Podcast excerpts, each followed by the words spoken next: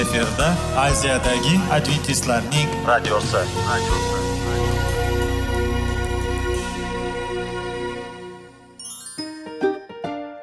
assalomu alaykum aziz radio tinglovchilar. Sog'liq daqiqasi rubrikasiga xush kelibsiz. Zero tananing sog'lom bo'lishi va uning kasalliklardan saqlash har bir insonning burchi hisoblanadi. Inson uchun bebaho boylik bu sog'liq salomatlikdir. Uni asrash esa har birimizga omonat qilib berilgan. Shuning uchun ham inson o'z sog'lig'ini ehtiyot qilishi voajib amallardan hisoblanadi. Dono xalqimiz sog'liq tuman boylik deb bejiz aytmagan. Aql idroq sohibi bo'lgan inson o'z hayotini qadrlashi lozim bo'ladi. Hozirgi kunda qanchalik dori darmonlar ko'paymasin tibbiy muassa sifati shifokorlar vasiyasi tibbiy texnika yaxshilanmasin. Agar insonning o'z salomatligi haqida qayg'urmasa kutilgan natijaga erishib bo'lmaydi va biz sizlarga bizning dasturimizga xush kelibsiz deymiz.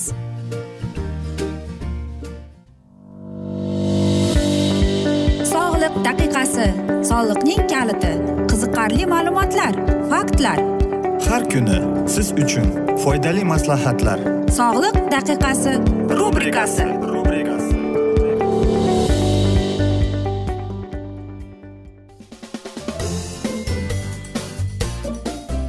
assalomu alaykum aziz radio tinglovchilar. Dasturimizga xush kelibsiz va biz sizlar bilan tana va sog'liq degan dasturda xushvaqt bo'ling deb aytamiz. Va bugungi bizning dasturimizning mavzusi o'pka uchun tabiiy dorilar deb nomlanadi. Agar o'pkangizni mustahkamlashni istasangiz birinchi navbatda sog'lom odatlarga rioya qilish kerak ekan. Bu haqida biz o'tgan galgi dasturlarimizda gaplashgan edik. Lekin qisqacha eslatib o'tmoqchimiz. Chekmang taksik yoki ifloslangan joylardan qoching. Eng kamida jismoniy mashqlar bilan to'plamini bajaring va jigaringizga yoki o'pkangizga g'amxo'rlik qiling. Immunitet tizimining salomatligiga ham yaxshi qarang. Lekin ba'zan o'pka tanamizning bunday muhim organlari hali ham ta'sir ko'rsatishi mumkin. Bunday bronxit kabi jiddiy kasalliklar astma yoki infeksiyalari maxsus davolanishni talab qiladi. Shuning uchun sizga bir qator maslahatlar berib o'tmoqchimiz. Keng tarqalgan biri bu ma'lum va juda samarali usullardan hisoblanadi bu issiq bug' bilan nafas olish. Ya'ni oddiy til bilan aytganda bu ingalyatsiya. Umuman olganda issiqlik va namlik biz uchun eng yaxshi sovg'adir. Bronxlarni taklif qilishimizdan oldin va shuning uchun bu ingalyatsiyadan yaxshiroq narsa yo'q deb atashadi. Bundan tashqari issiq bug'ning o'pkaga foydali ta'siri shundaki balg'amni suyultiradi va bronxdan osongina chiqariladi. E, bu ham yo'talni va issiqlikni yengillashtirib bronxa qon oqimini oshirib keladi. Bu infeksiyalardan himoya qiladi. Qanday bo'lishi kerak deysizmi? Albatta suv juda issiq bo'lishi kerak. Bu suvdan chiqib turishi kerak. Va aytaylik mukammal bu deyarli qaynoq suv bo'lishi kerak ekan. E, jarayon davomiyligi besh o'n daqiqa. Yuzingizni va bo'yinni va ko'krakni sovug'idan keyin albatta yaxshilab tozalab artishingiz kerak. Va mana shunday ingalyatsiyani kuniga bir kunda uch to'rt marta amalga oshirilishingiz kerak bo'ladi. Buning uchun choynakka suvni quyib yoki boshqa idishda qaynatib oling stolga qo'ying. Va albatta bu majburiy emas bir necha tomchi evkalip yog'idan qo'shsangiz ham bo'ladi. Yoki bir hovuch yozilgan qo'shning nafas olish organlari uchun foydali dorivor o'simliklar masalan qarag'ay yoki chinigullar ignalari. Suv soviganda va bug'lanish to'xtab qolsa suvni qayta isitib oling. Ko'krakni aytaylik siqish kerak yoki yana bir foydali protsedura bu issiq suvda namlangan matoni teriga qalang ko'kragingizga suv harorati shunday bo'lishi kerakki teringiz bardosh bera oladigan darajada bo'lishi kerak. Siqishni mana shunday buni kompress deyiladi. Ota bobolarimiz va ayniqsa buvijonlarimiz onajonlarimiz biz yo'talib qolsak yoki o'pkamizda mana shunday hayqiriqlar eshitilib qolganda bizni onajonlarimiz lattani ho'llab e, birinchi dokani qo'yib keyin ustiga namlangan lattani qo'yib albatta isitadi. Bu ham bronxlarni kengaytiradi immunitet tizimini matbulantirib va bundan tashqari teri orqali toksinlarni yoki olib tashlaydi ekan. Bu qanday bo'lishi kerak? Juda issiq bo'lsa ham unday bo'lolmaydi va albatta ko'krakni toza paxta bilan artib chiqing. Yoki birinchidan mato bilan yoki doka bilan. Albatta biz aytamizki qanday qilib? Buning davomiyligi o'n o'n besh daqiqaga faqatgina bo'lishi kerak. Va bu narsani bir kunda ikki yoki uch marta qilishingiz mumkin. Agar masalan siz yopgan yotsangiz albatta issiq junli adyol bilan yopinishingiz kerak bo'ladi. Albatta ko'krakdagi kompresslar bitta yoki ikki martaga bo'lmaydi. Buni qachonki o'zingizni yengil his qilsangizgina faqat o'shanda to'xtatishingiz mumkin. Va yana bir usuli bor bu umuman olganda bu jismoniy terapiya deb ataladi. Buning maqsadi bemorga balg'amni yo'talish uchun yordam berishdir. E, bemorni orqa tomonidan urishdan oldin bug' ingalyatsiyasini o'tkazib balg'amni suyultirib va uning chiqarilishini bu yengillashtirib keladi. Buni amalga oshirish kerak emas ovqatdan keyin. Albatta och qoringa desak ham bo'lmaydi lekin qorningiz to'q bo'lishi kerak. Agar sizni qorningiz ovqatdan keyin qilsangiz sizda ko'ngil aynishi bo'lib qoladi yoki sizning davleniyangiz oshib ketishi mumkin ekan. Yoki oddiy yerupani o'pkaga zarar yetkazishini mumkinligini bilarmidingiz? Qachon oshqozon suvi qizil lo'ngachaning asab tugunlarini bezovta qiladi? Albatta asab refleksi bronxial yo'llardir. Agar bunga javoban oladigan bo'lsak afoniya ya'ni ovoz yo'qotishiga olib kelishi mumkin ekan. Va judayam qaynoq suv bu oshqozonimizning suviga bu e, zarar keltirib chiqarar ekan. O'pka shunday ta'sirlanmasligi uchun kechki ovqatdan voz kechishingiz kerak yoki kechki ovqat uchun juda oson ovqat yeyishingiz kerak bo'ladi. Ki uch soatdan keyin albatta bodring yeb ko'rishingiz kerak. Yana aytmoqchimizki mana shunday usullardan keyin va faqatgina shifokor bilan maslahat qilib qilishingiz mumkin. Chunki biz faqatgina sizlarga mana shunday bir aytaylik e, birinchi yordamini taklif qilyapmiz xolos va maslahat beryapmiz desak ham bo'ladi. O'pka tanasidagi kislorod bilan ta'minlaydi va toksinlarni filtrlab chiqadi. O'pkangizni sog'lom saqlash va ularni ishlashga yordam berish uchun bu muhimdir. Organizmdagi barcha hujayra va to'qimalarning boylardan yetarli darajada oziqlanishi kerak ekan. Bu qon kislorodi. Yana bir bor o'pka eng yaxshi do'stlardir. Lekin o'pkaning do'stlari bu harorat va namlikdir. O'pka nafas olgan yoki iste'mol qilingan o'simlik essensiyalarga yaxshi javob berar ekan. Aziz do'stlar mana shunday asnoda biz afsuski bugungi dasturimizni yakunlab qolamiz chunki bizning dasturimizga vaqt birozgina chetlatilgani sababli. Ammo lekin keyingi dasturlarda albatta mana shu mavzuni yana o'qib eshittiramiz va sizlarda savollar tug'ilgan bo'lsa biz sizlarni salomat klub internet saytimizga taklif qilib qolamiz. Va aziz do'stlar biz umid qilamizki siz bizni tark etmaysiz deb chunki oldinda bundanda qiziq va foydali dasturlar kutib kelmoqda. Va biz sizlarga va yaqinlaringizga sog'lik salomatlik tilagan holda xayrlashib qolamiz. Omon qoling.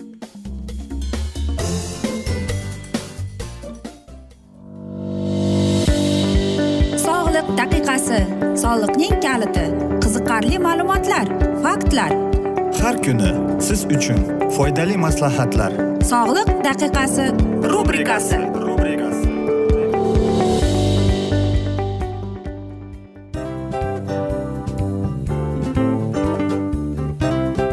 Mana ha hayotda hamma narsaning yaxshi narsalar tugaydi va yakunlaydi degandek bizning dasturimizga ham yakun keldi.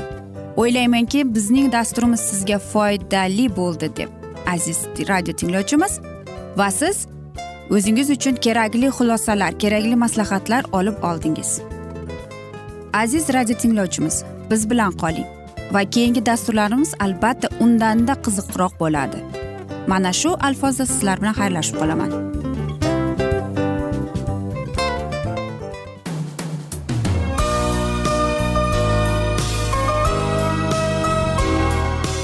Efirda aziyadagi adventistlarning radiosi.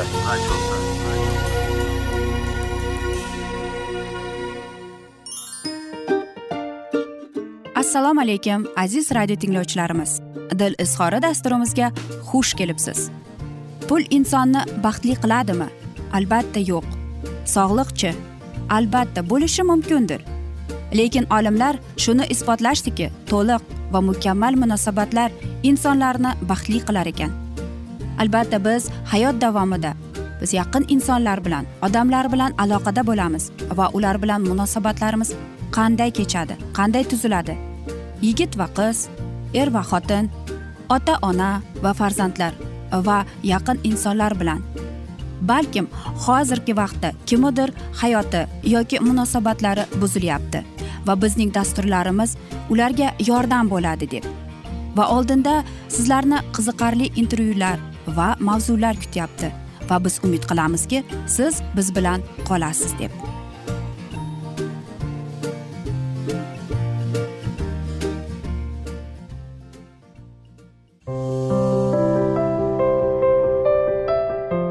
Kuni har xil kasbdagi odamlar bilan sirlashish va bo'lishish sevgi rashq munosabat bularni hammasi dil izhori rubrikasida.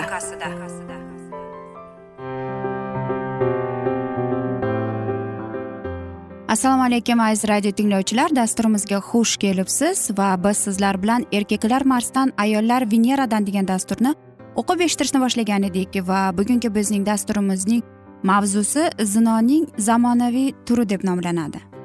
Albatta biz zino deganimizda bizning ko'zimizga boshqa va xunuk rasmlar suratlar keladi. Va yaqinda men anchadan beri ko'rmagan tanish ayolimni uchratib qoldim. Salom alik hol ahvol so'rashlar mobaynida ayol xotirjam ravishda dedi. Oilam buzilib ketdi. Xudoga shukur erimdan qutuldim dedi. Hayron bo'lib sababini so'radim. Axir qirqqa borib qolgan qizi uyga bo'yga yetib uzatiladigan o'g'lining mo'ylovi sabzi urib turgan bir paytda oilasining barbod bo'lganini farq bilan tanishishga gapirayotgan oyli ma'lumotli ayolning xotirjamligi har qanday odamni hayratga soldida xullas ayol erinmay erining ustidan mag'zava quya boshladi. Indamay eshitib turaverdim. Bir paytlari o'sha kezda erini yomonlayotgan ayol uning toparmon uddaborligini maqtardi. Endi esa sal o'tmay ayolning telefoni sms xabarini kelganini bildirib qo'y chaldi. Shasha pisha telefonga ko'z yugurtirgan tanishimning chehrasi yorishib ketdi. Sobiq sinfdoshim odnoklassniki точка ru saytidan topib oldim. Biz maktabda o'qib yurgan kezlarimiz sevishar edik. Buni qarangki odnoklassnikdan topishganimizda u meni haliyam sevishini aytdi muhabbatimiz so'nmagan ekan yigirma besh yildan beri haligacha bir birimizni sevar ekanmiz u meni nikohiga olmoqchi lekin xotinidan istihola qilyapti chog'i uning gaplarini eshitdim adno degan e, dajjolning qiliqlari ya'ni bu odnoklassniki deb bu odnoklassnik tufayli buzilib ketganining sababini chamalab ulgurdim. Afsuski hozirgi kunga kelib internet saytlari orqali sobiq sinfdoshi kursdoshi bilan topishib olayotganlar yoxud virtual tanishuvlar sababli buzilib ketayotgan oilalar ajralishning ko'pchiligini tashkil etadi. Bu hol yosh oilalarda qolib o'n o'n besh yigirma yillik ro'zg'orlarda ham uchrayotgan ko'ngilga og'riq soladi. Ajralishlarning aksariyatiga xiyonat sabab bo'lyapti. Bu borada ayollar yetakchilikni qo'lga olishgan deydi huquqshunos. Bir kuni qabulimga bir erkak keldi. Cho'kib sinib olgan. Na yurgani yo'li na o'tirgan joyi bo'ladi. Xotinimning menga xiyonat qilishi allaqanday erkak bilan uzuq qun telefonda gaplashishi haqida yaqinlarimdan eshitardimu to'g'risi ishongim kelmasdi. Axir uchta guldek farzandimiz bor. Nahotki ayolim shunday razillikka borsa deb o'ylardim. Bir kuni ish bilan chiqib ketyapman deb uydan sal chetroqda xotinimni poyladim. Afsus gap so'zlar haqiqat ekan. O'lasi qilib do'pposlaganim xotinim o'ynashi bilan telefondagi internet bilan bir bola orqali tanishib qolganini aytdi. O't tushsin o'sha shu telefonni chiqarganga ham internetga ham. U bilan o'lsam ham yashayman. Bolalarimni ham bermayman unga. O'zi tarbiyaga muhtoj ona bola tarbiyalashga loyiq emas deb deya ko'zlarini yashirishga urindi u. Erkak shunda ham mardlik qilyapti. Iltimos shunday qilingki men sud majlisida xotinimning xiyonatini aytmayin. Buning ilojisi bormi? Masalan kelisholmay qoldim deb ajrashsam bo'ladimi? Erkak yuragi zardobaga to'lib turganida ham oilasining sha'nini farzandlarining taqdirini o'ylab xotinining xiyonatini yashirishga urinyapti ekan. O'sha sharmisor ayolchi. U ayol nomiga isnot onalikka noloyiq ekanligini anglatyaptimikin? Qaynegachim odnoklassnik tochka ru saytidan sobiq kursdoshini topib olibdi deydi tanish juvon istizno bilan. Talabalik davrlarida sevishgan emishlaru qaynotam qizini uzoq viloyatga uzatmagan ekan. Endi qaynegachim kap katta xotin uch bolaning onasi bo'la turib allayoqdagi kursdoshi bilan tunu kun yozishadi. Yana uyalmay netmay biznikiga kelganda kursdoshimning gaplarini sog'inib qolaman. Hozirgacha meni unutmabdi ya haliyam sevar ekan deydi. Eshitgani odam hijolat tortadi uning gaplarini. Turmushi buzilgan yoki buzilish arafasida turgan ayollarning aksariyati bir xil sharmisona qo'shiq kuylashadi. Erimda ko'nglim yo'q bir paytlari u meni sevardi. Hozir esa umuman esidayu ham yo'qman. Axir men ham ayolman. Erimning erkalashlarini mehr so'rashni istayman deydi o'zbek ayoli qaysi til qaysi yuz bilan shunday sharmandali iqrorni aytishadi ekan o'zbek oilasida er xotinlik munosabati romantika emas. Bizda turmush qurgan juftliklar hind kinolaridagina o'xshab qo'shiq aytib raqsga tushib tog'lari gulzorlarda aylanib yurishmaydi. Aksincha bir biriga chidab ko'nikib moslashib yashaydilar. Bu ay borada ayol kishidan erkakka nisbatan ikki hissa ko'p mas'uliyat talab etiladi. Ayol kishining ancha muncha xatosi kechirilmaydi va bu xatolar kelgusi farzandlar taqdirida ham daxl qiladi. Yoshlar oilaga yengil yelpi qarab arzimagan bahonalarni ro'qach qilib oilasini buzib yuborishyapti deydi. Internet mobil aloqa kabi uzoqni yaqin qiladigan narsalarni borligi yaxshi albatta. Taraqqiyot rivojlanishi mahsuliy hisoblanadi. Bu kabi mo'jizalar ammo dunyoni tamaddudning bunday mahsulotlariga lug'atimizdan odob andisha vafo sadoqat insoniy fazilatlar degan so'zlarni haydab chiqarishini ayrim yurtdoshlarimiz o'zini o'zlarigini unutish vakolati berilmagan. Yo siz boshqacha o'ylaysizmi?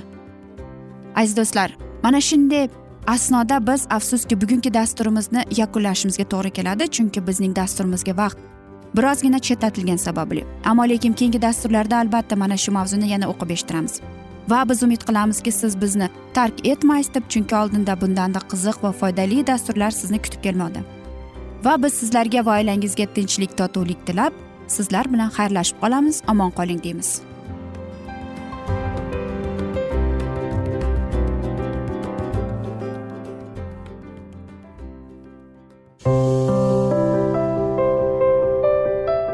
Har kuni har xil kasbdagi odamlar bilan sirlashish va bo'lishish sevgi rashq munosabat bularni hammasi dil izhori rubrikasida.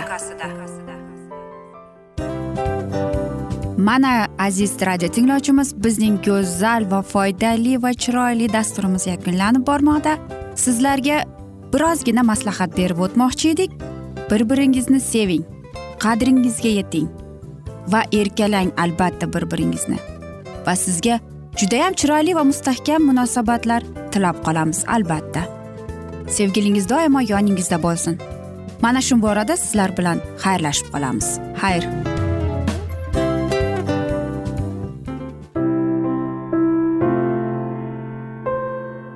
Hayotning noni qiziqtirgan savollar va javoblar. Buning hammasi ko'ngil uchun oziqa rubrikasida.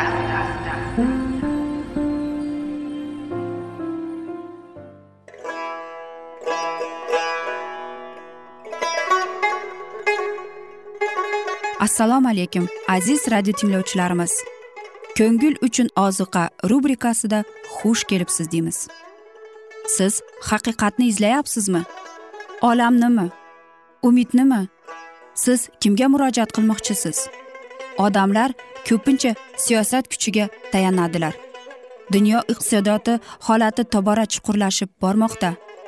Tabiiy ofatlar va texnogen halokatlar minglab insonlarning hayotini olib ketib juda katta zarar yetkazmoqda. Sizga abadiy hayot inomini hadya qiluvchi va hayotingizni tubdan o'zgartiruvchi haqiqatni izlab toping. Xudo haqidagi haqiqat uning kalomida mujassamlashgan. Kimki bu haqiqatni butun qalbi bilan izlasa albatta unga yetishadi. Bu sevgi xudoning tarixidir. Hayotingizda yoki sizning yon atrofingizdagi olamda nimalar yuz berishidan qat'iy nazar siz ertagi kunga buyuk umid va ishonch hosil qilishingiz mumkin. Hozirda xudo sizga taklif qilayotgan umid ishonchga o'z qalbingizni oching va sizni qiziqtirayotgan mavzularni savollaringizga javoblaringizni topib olasiz deb umid qilamiz. Biz bilan qoling.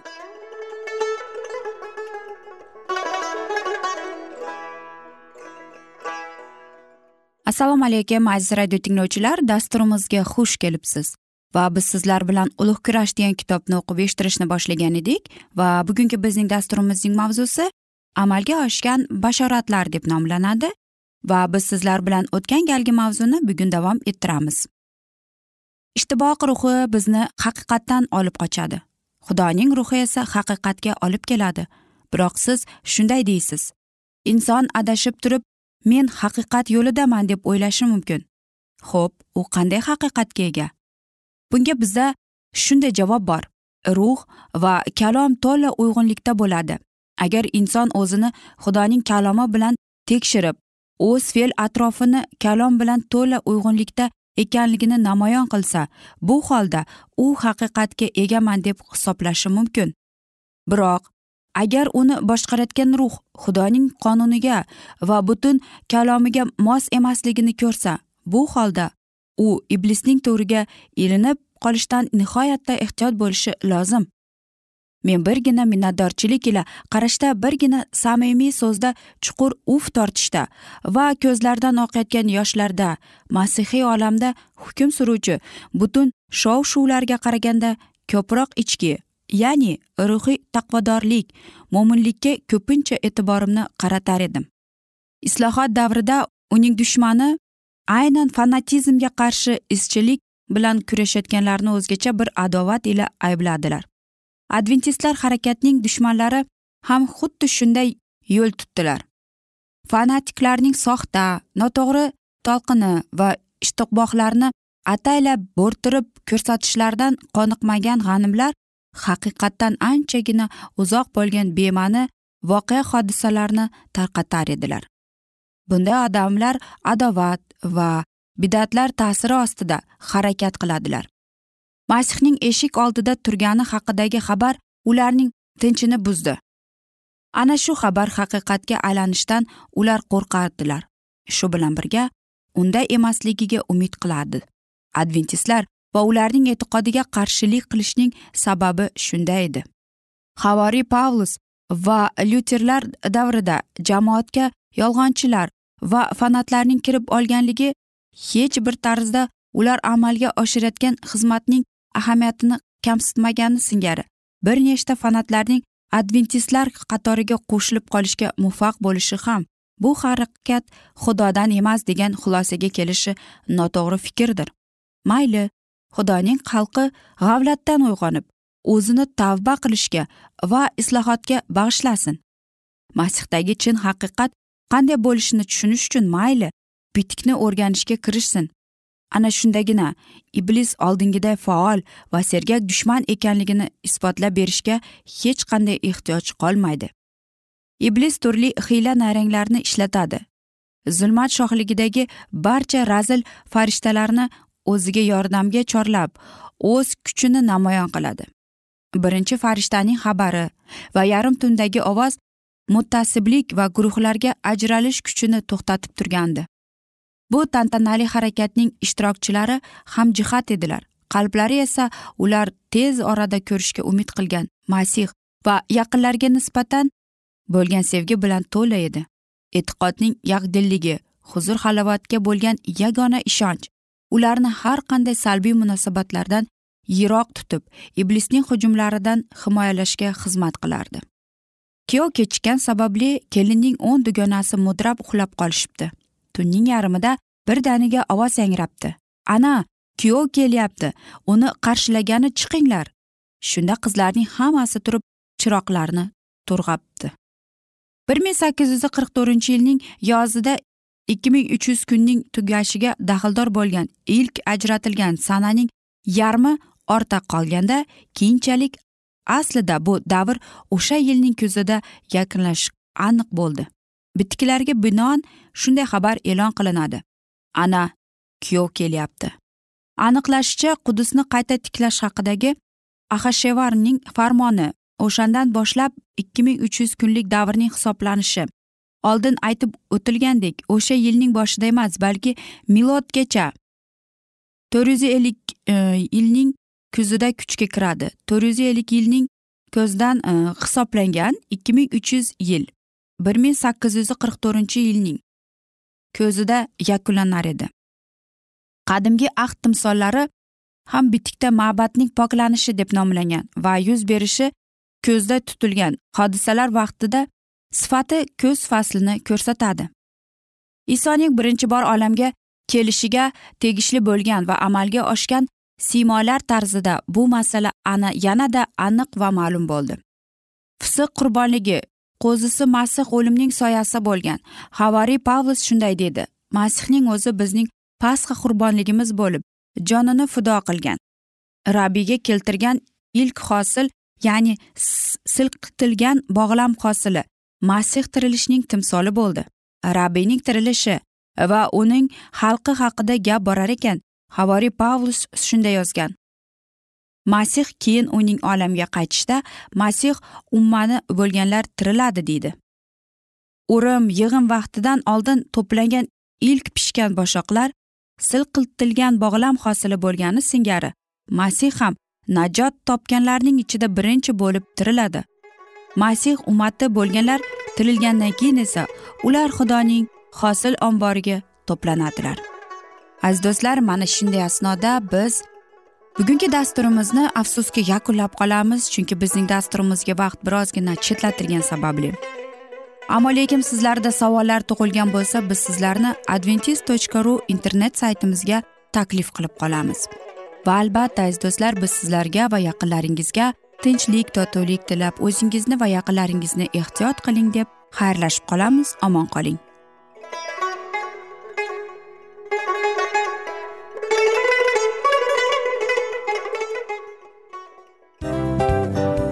Hamma narsaning yakuni bo'ladi degandek afsuski bizning ham dasturlarimiz yakunlanib qolyapti. Va biz o'ylaymizki bizning dasturimizdan o'zingiz uchun kerakli va foydali maslahatlar olib oldingiz. Sog'liq borasida sizga foydali maslahat berganmiz deb umid qilaman albatta. Va sizlarga mana shu borada sog'liq tilab qolaman. Munosabatlarga kelganda esa sizlarga sevgi omad va albatta yaxshi munosabatlar tilab qolamiz. Uchinchisiga kelganda esa bu juda chuqur va e'tiborli nazarni qumsaydi va sizlarga mana shu yaxshilik kayfiyatda sizni kayfiyatingizni ko'targan holda sizlar bilan xayrlashib qolaman afsuski. Ammo lekin keyingi dasturlarimiz undanda qiziq bo'ladi. Va siz biz bilan bo'ling bizni tanlaganingiz uchun sizlarga rahmat omad sizlarga xayr.